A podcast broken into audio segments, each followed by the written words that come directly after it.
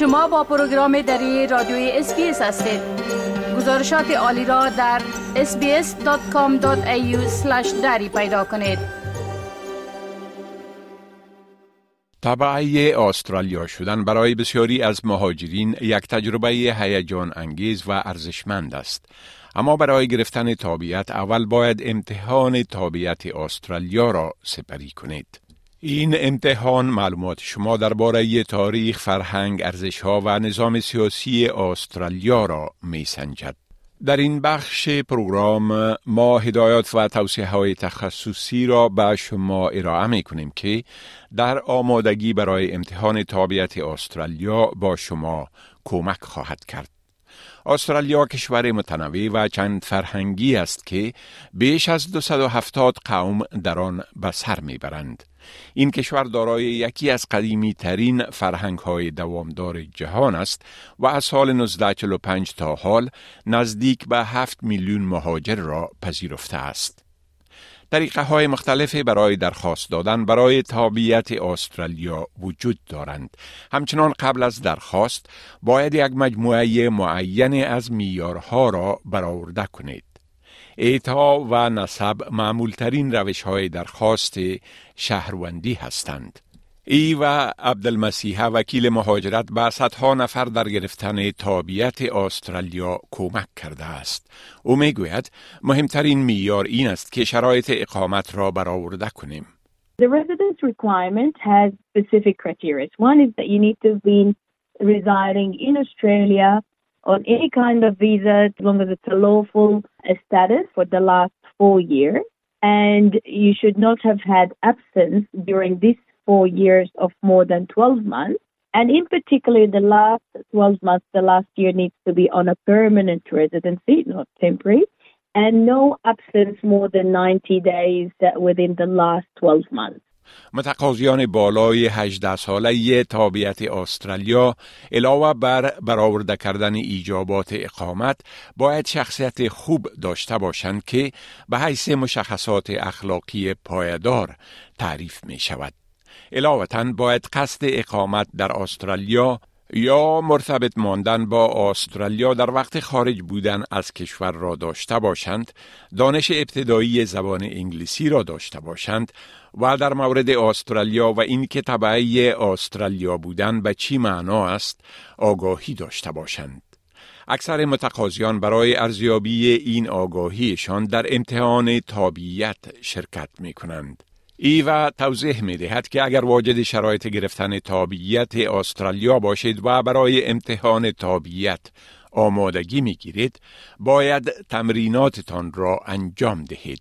The Australian citizenship test is about checking the understanding of what it means to be an Australian citizen. So we know about Australia and its people, the symbols about Australia, the democratic beliefs, rights, and liberties uh, how the government is formed, how is law made in Australia, understanding and showing commitment to Australian values, which are mainly based on freedom, respect, and equality.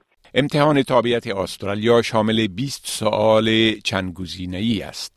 این امتحان موضوعات مختلف مانند سمبول های استرالیا، رویدادهای تاریخی ساختار حکومت و حقوق و مسئولیت های تابعیت را در بر می‌گیرد.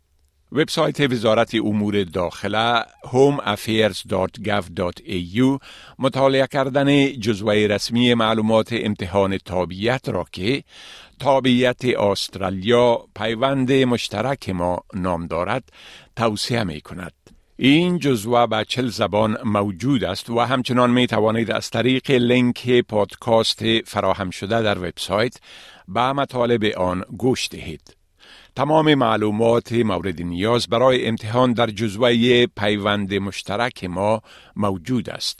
شما باید آن را به طور کامل درک کنید و یادداشت بگیرید تا در حفظ آن به شما کمک کند. همچنان می توانید در یکی از وبسایت های متعدده که تمرین رایگان امتحان تابعیت را طور فراهم می کند که با امتحان واقعی شباهت می داشته باشد در یک امتحان تمرینی آنلاین شرکت کنید. خانم ایوا می‌گوید که بسیاری از برنامه های تلفنی با تناسب دسترسی به لینک های وبسایت از طریق کامپیوتر بیشتر قابل دسترسی و کاوش در آنها آسان تر است. These phone apps I find them very helpful. I always encourage my clients to download them and do them, you know, every night. Just spend half an hour an hour. There's also like on YouTube there is videos about it.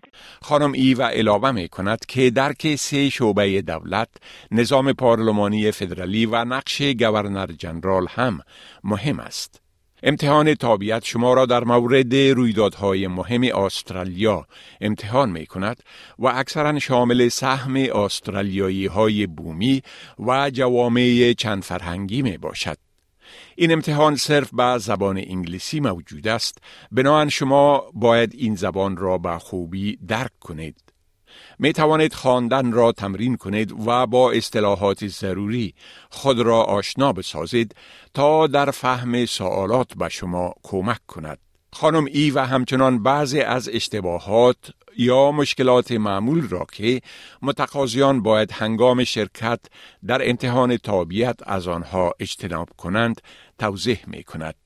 او به متقاضیان توصیه می کند که سوالات را با دقت بخوانند در محدوده زمانی باقی بمانند و از عجله برای کلیک کردن روی پاسخ خودداری کنند. When clients come to me, I straight away encourage them to start preparing for it. And part of the preparation is listen to the news in English, read newspapers in English, do the, the practice test at least once a week. Because when we lodge today, they don't get the test straight away. There is a good gap of six to nine months. اگر در قسمت کاوش مطالب برای مطالعه در وبسایت وزارت امور داخله و کمک در بهبود زبان انگلیسیتان با کمک نیاز دارید می توانید با یکی از سازمان های محلی متعدد در منطقه تان تماس بگیرید. طور مثال سازمان SydWest Multicultural Services در نیو ساوت ویلز و مرکز مهاجرین و پناهندگان Southern Migrant and Refugee Centre در ویکتوریا کورس ها و منابع آمادگی برای امتحان تابیت را برای کمک به مردم آرزومند گرفتن تابیت به خاطر آماده شدن برای این امتحان فراهم می کند. این سازمان ها اکثرا دارای مربیان با تجربه هستند که می توانند در جریان این روند راهنمایی و کمک کنند. ویکی هاین از سید وست توضیح می دهد که کورس های آنها چگونه به بسیاری از مهاجرین جدید پناهندگان و ساکنان دائمی کمک کرده تا برای امتحان تابعیت آماده شوند. In bringing people together to learn about their new country and how to navigate through services and all the kinds of things you need to know when you're settling in a new country, it became apparent very quickly that people needed support and help with preparing for the citizenship test and to understand how important it is to have citizenship here for the security that it offers. این کورس برای مهاجرین دارای هر گونه پیشینه ها باز است. سید وست اولین کورس تابعیت خود را در غرب سیدنی در سال 2014 تأسیس کرد.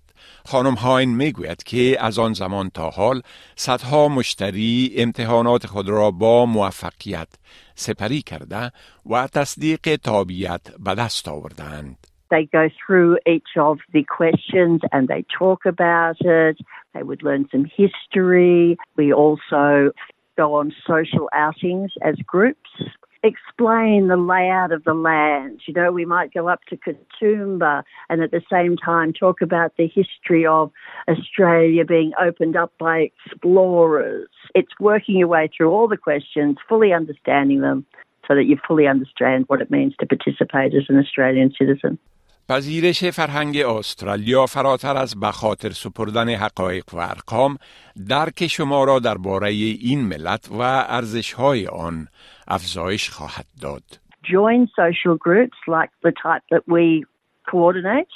You get to speak to other people from different countries, different languages, and you're all practicing your English together in a casual social setting.